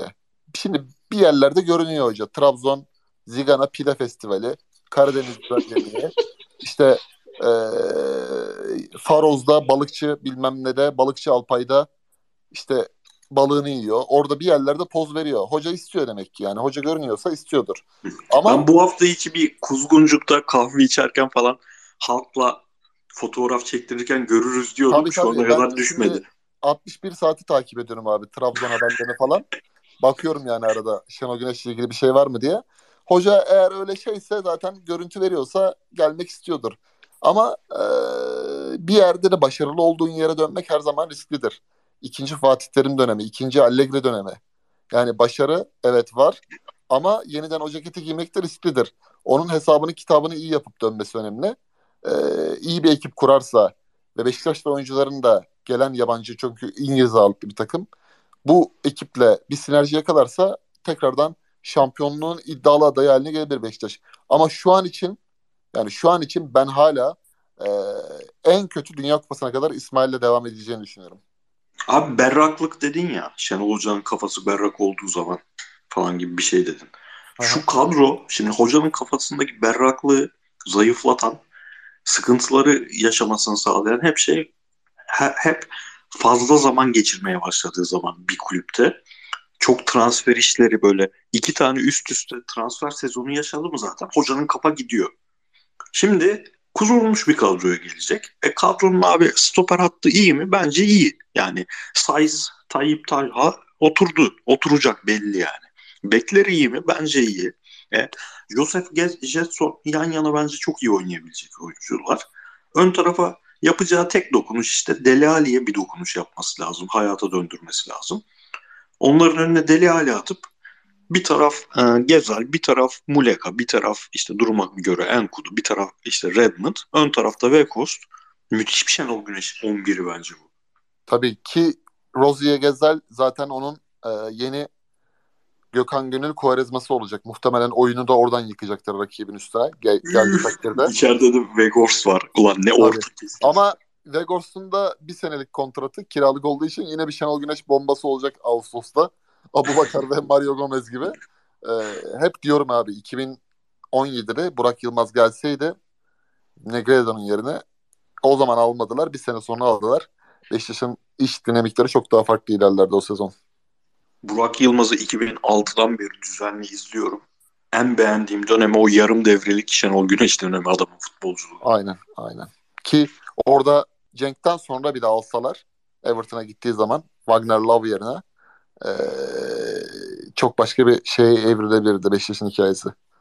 Neyse Şenol Hoca da video edit tayfaya yeni işine başladığı zaman Beşiktaş mı olur başka takım olur bir teşekkür etmesi lazım. Onu da acayip kötülükleri unutturdu, kötü dönemleri unutturdu video edit tayfa. Tabii Şeytan tabii. icadı ya. Bu ıı, şeyi konuştuk. Ee, Bak altyapı sahasına. Şenol Güneş'i Şenol konuştuk. Güneş'i bile konuştuk da bu hafta Fiorentina yine çok kötü oynadı ve e, kötü bir puan kaybetti. Ben Fiorentina'da bu Netflix belgeselinden sonra da Fatih Hoca'nın eğer bir e, İtalyan'a giderse seslerinin yükseleceğini düşünüyorum. Bu seviye haberlerine ben çok ikna değilim. Sampaoli gelecek oraya çünkü o çok belliydi. Ama e, İtalyan basında bence Fiorentina'da eğer bir değişiklik olursa Fatih Hoca'nın adı geçecektir. Hocanın adı Netflix'ten sonra bir tık daha fazla geçer gibi geliyor bana Tabii da. tabii. Zaten zaten hani e, olursa da bir Fiorentina olur hocaya tekrar. Yani başka türlü hani Sevilla vesaire buralar çok şaşırtır beni öyle bir şey olursa. Bence de. Yani Valencia'da mesela Gattuso ayrıldıktan sonra Fatih Terim mesela Valencia ile anlaştığı haberi beni çok şaşırtır. Ama Fiorentina ile anlaşması şaşırtmaz. Yani hocanın orada bir yarım kalan hikayesi var ya. Hoca da e, öyle bir maddi şartlar ve takım için e, belli oranda bir e, yaklaşım gelirse oradan ki onu çok seviyorlar zaten Frenzleri. E, hocanın oradaki İtalya hikayesi Fiorentina ile başlar başlayacaksa. Hocam Sofyan Amrabat orta sahada Fatih Terim babam gibi. Ya Ricardo zaten Fiorentina abi ilk 6 ilk 8 buraları kovalayacak bir e, sinerji yakalarsa hoca için de yeterli ya. İlk 8'de her zaman kalması yeterli. Vallahi çok tam onluk oyuncular da var. Copa İtalya falan var. kovalar yarım kalan hikaye hesabı. Öyle bir sinerji oluşturabilir yani. Evet. Carlos Delfino abi şu altyapı sahasından biraz dertliyim lütfen iki çift laf edin yazık çocuklarımıza demiş. Biz insanların hani e, özellikle bir maç kazandığında yurt dışında gazeteler ne demiş diye merak eden insanların bizim hakkımızda diğer ülkelerin vatandaşların bizim hakkımızda düşündüklerini önemseyen bir milletiz. E, bunun sebeplerini sosyologlar işte toplum psikologları falan araştırsın ama şu en temeli bence biz e, çocuklarınıza saygı göstermezseniz hiç kimse size saygı göstermez. Şunu çok net. Kendi hayatınızda da böyledir abi. Yani sen yolda yürürken çocuğuna kötü davranan, insan içinde kulağını çeken falan bir herif gördüğünde tiksiniyor, otomatikman saygın azalıyordur. Tiksiniyorsundur ondan. Bu da aynı. Yani sen Dries Mertens geldiğinde idman yapacak sahası olmadığını gördüğünde çocukların ya da Vegors işte konteynerde soyunan Beşiktaşlı çocukları gördüğünde o kulübe aidiyeti, o kulübe saygısı azalıyordur. Bu bu şey her kurumda böyledir bu.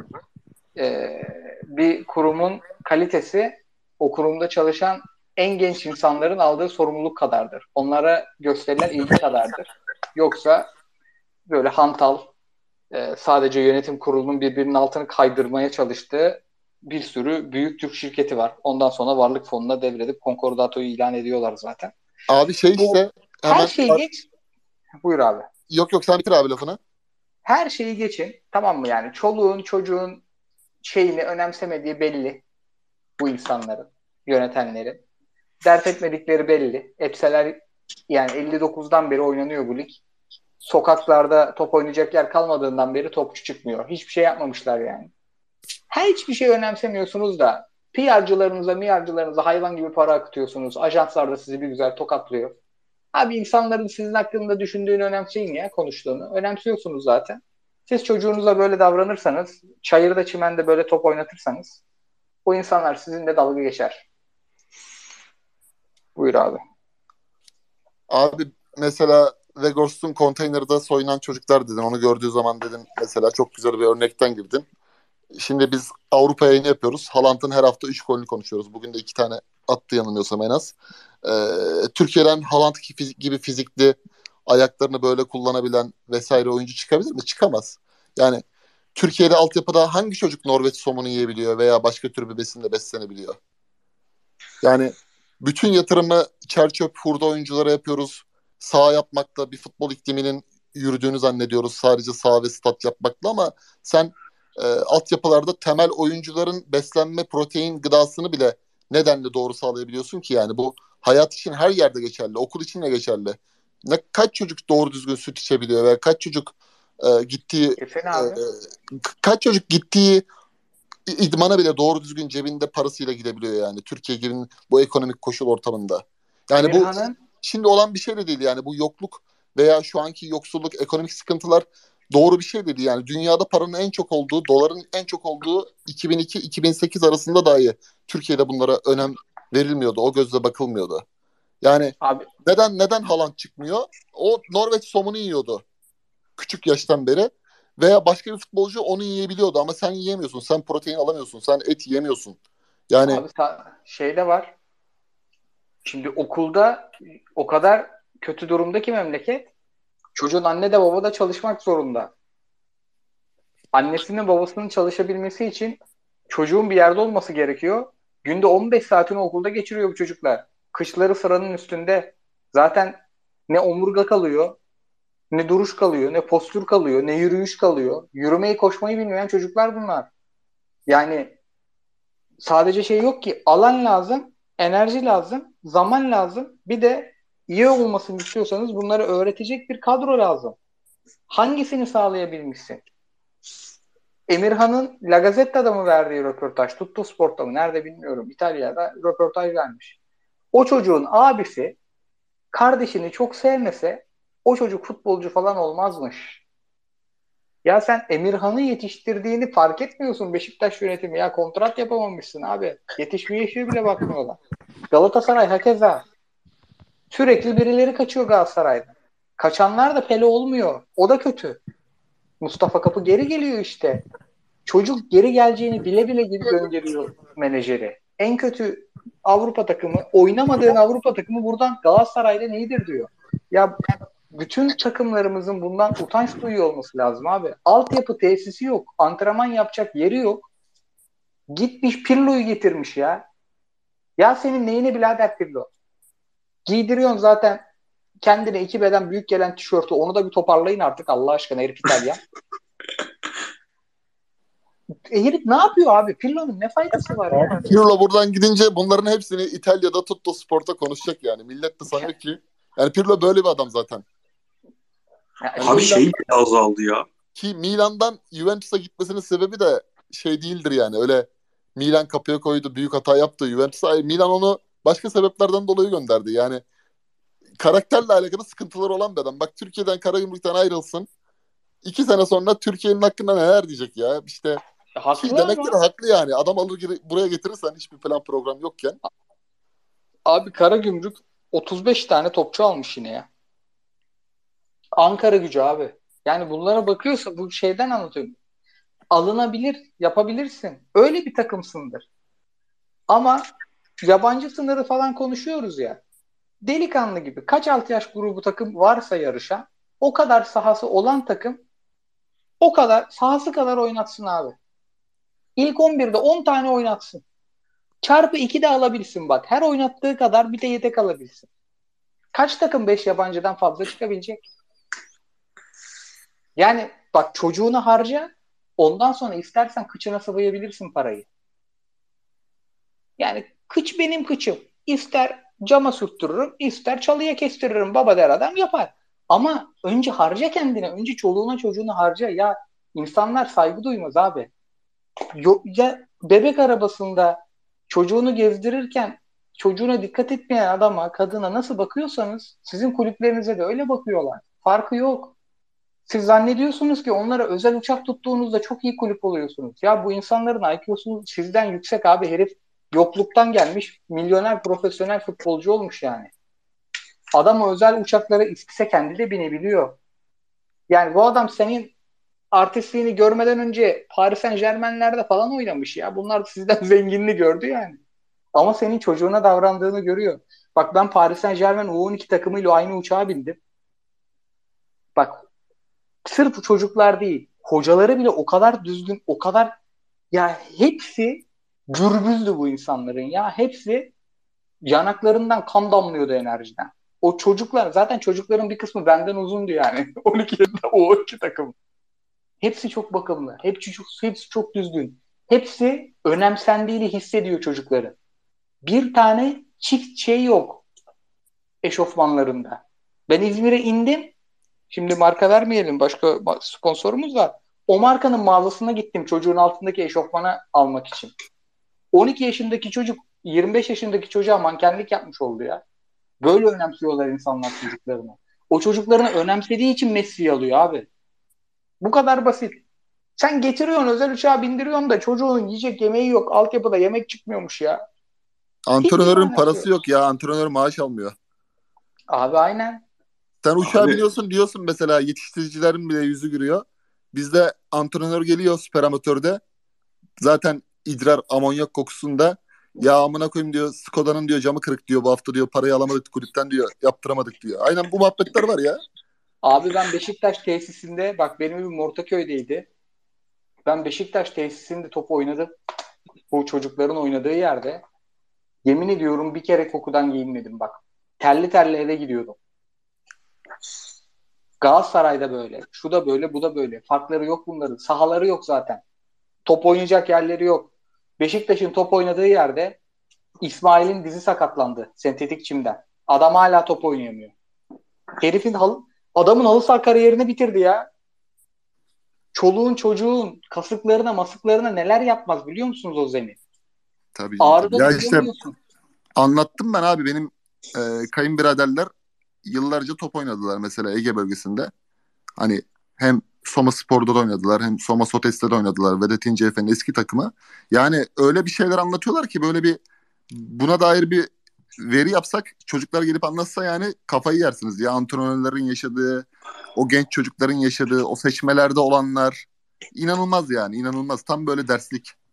Ya bu memleketteki bütün kulüp başkanlarının yurt dışına satılan yerli oyuncuların her birinin sıradan elini öpmesi lazım. Hepsinin. Emirhan'ın hikayesi şey çok utanç verici bir hikaye. Çocuk normal bir Türk çocuğu olarak futbolcu olmuş. Ama bizim için bizim utanmamız lazım. Yöneticilerimizin bizim değil. Biz bunları dile get bizim yapabileceğimiz şey konuşmak. Futbol izleyen işinde gücünde insanlarız. Konuşuyoruz da soru gelse de gelmese de. Ama gerçekten şunu tekrar söylüyorum bu anlaşılmıyor pek. Abi çocuğuna değer göstermeyen, önem göstermeyen babayı kimse sikine takmaz. Takmaz. Abi. Bak sen çocuğuna iyi babalık yapabildiğin kadar babasın. Kulüp de böyle, tüzel kişilik de böyle. Buyur abi. Ya hadi Galatasaray, Beşiktaş, Fenerbahçe bu ülkede spor yapabilen insanların büyük bir kısmı bu kulüpler sayesinde yapıyor. Futboldan bahsetmiyorum. Onların başka misyonları var. Ya bugün Manchester Paris Saint Germain örneklerini verirken, Newcastle örneklerini verirken yabancılar geliyor bu ülkelere. Evet, bambaşka ajandalarla geliyorlar. Bambaşka ajandalarla kendi ülkelerinin imajını parlatmak olsun. Belki kara para haklamak için olsun ama geliyorlar ve ilk yaptıkları şey adam gelip Adebayor'u alacağını açıklamadan önce ne bileyim Newcastle Bruno Gimares'i, Alexander Isak'ı alacağını açıklamadan önce ilk yaptığı şey o şehre yapacağı altyapı açık altyapı yatırımını açıklıyor. O projesini açıklıyor. Bugün Manchester City'nin yani bu ülkenin tamamını toplasam Manchester City'nin e, o şehre verdiği altyapı yatırımını bu ülkenin hiçbir iktidarı, hiçbir spor bakanı vermemiştir. Paris Saint Germain diyorsun. Sadece işte Neymar'ıyla Messi'siyle konuşuyorsun. Bugün her futbol takımında Avrupa'nın 5 liginde bir tane Paris Saint Germain altyapılı oyuncusu vardır. En kokusundan tut, ikonesine, Diaby'sine. Adamlar çünkü öyle bir yatırım yaptı ki oraya önce o yatırımı yaptı. Ya yabancı bunlar, yabancı. O ülkenin vatandaşı bilmem nesi değil. Bu ülkede Başakşehir diye bir şey kuruluyor. 10 sene boyunca Başakşehir projesi övülüyor. Başakşehir bizzat bu ülkenin insanların sahibi olduğu bir takım. Kendi ülkesine yatırım yapmıyor. Adam geliyor kara gümrüğü satın alıyor. İşte sırayla alt ligleri tırmanacağı futbolcuları satın alıyor. O şey, o semte ne yatırım yapmış? O semtin çocuklarına ne yatırım yapmış? Yok. Adana Demirspor satın alıyor. Adana şehrinde ne yaptın? Yok. E ne yaptın? Üst lige çıktın. Ne oldu üst lige çıkınca? Ya kendi bunlar bak başka ülkenin vatandaşı olsa anlayacağım. Başka ülkenin zengini olsa anlayacağım. Bu ülkenin zenginleri bunlar ya. Gösterdikleri özen bu kendi ülkelerine.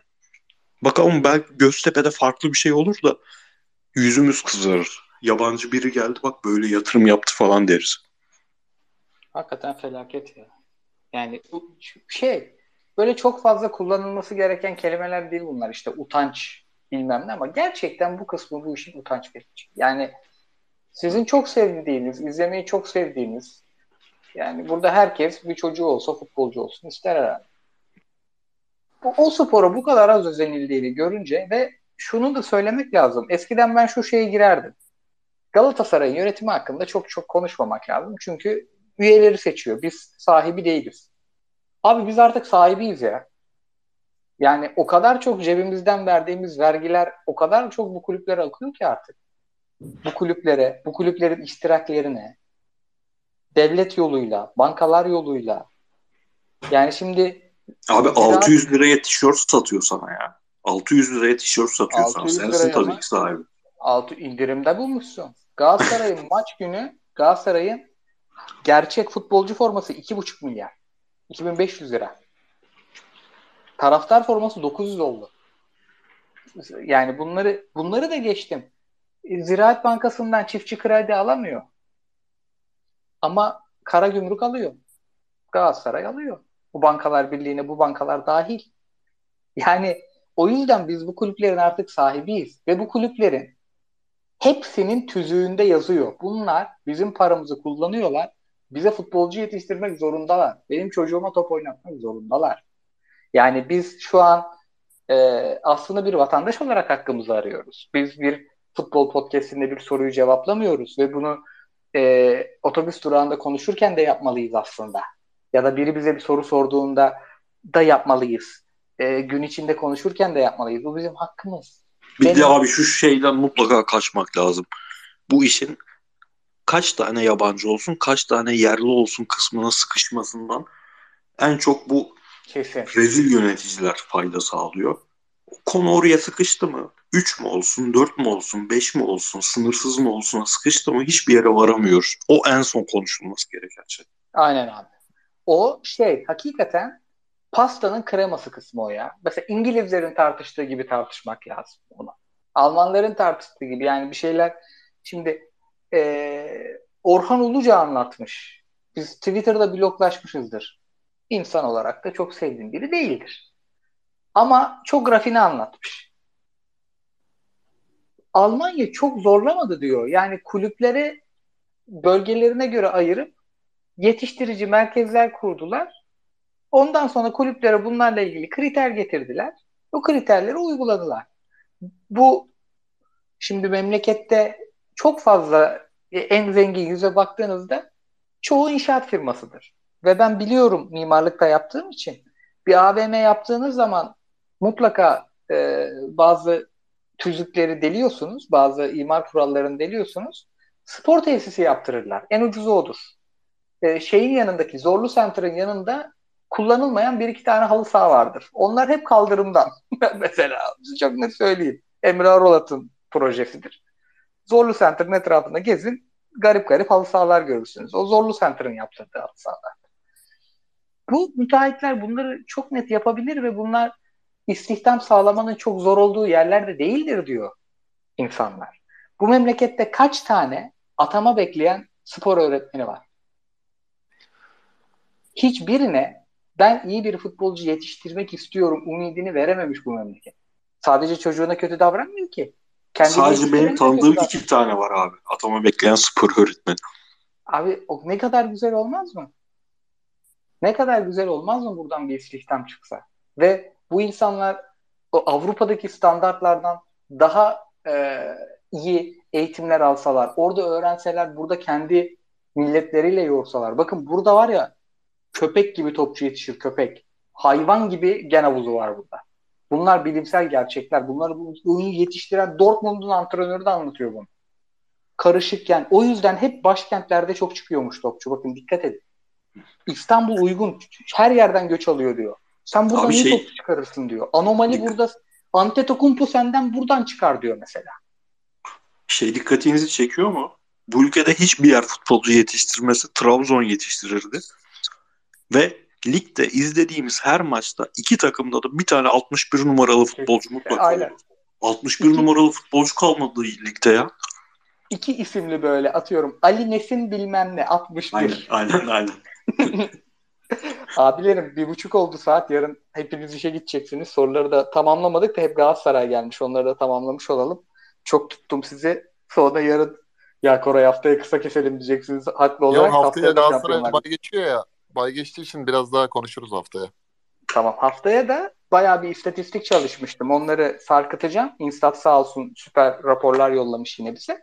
Haftaya onlardan böyle bu İstanbul Spor'un ceza sahası dışından golün içeriden golünden fazla olması gibi güzel bilgilerle geleceğim size. Çok eğleneceğiz haftaya da. Vallahi ağzınıza sağlık. Eyvallah abi. Dinleyenlere Eyvallah. teşekkürler. Dinleyen herkese çok teşekkürler. YouTube'da gösterdiğiniz ilgiye de teşekkürler. Haftaya yine görüşmek üzere. Hoşçakalın. Hoşçakalın. Hoşça kalın. İyi geceler.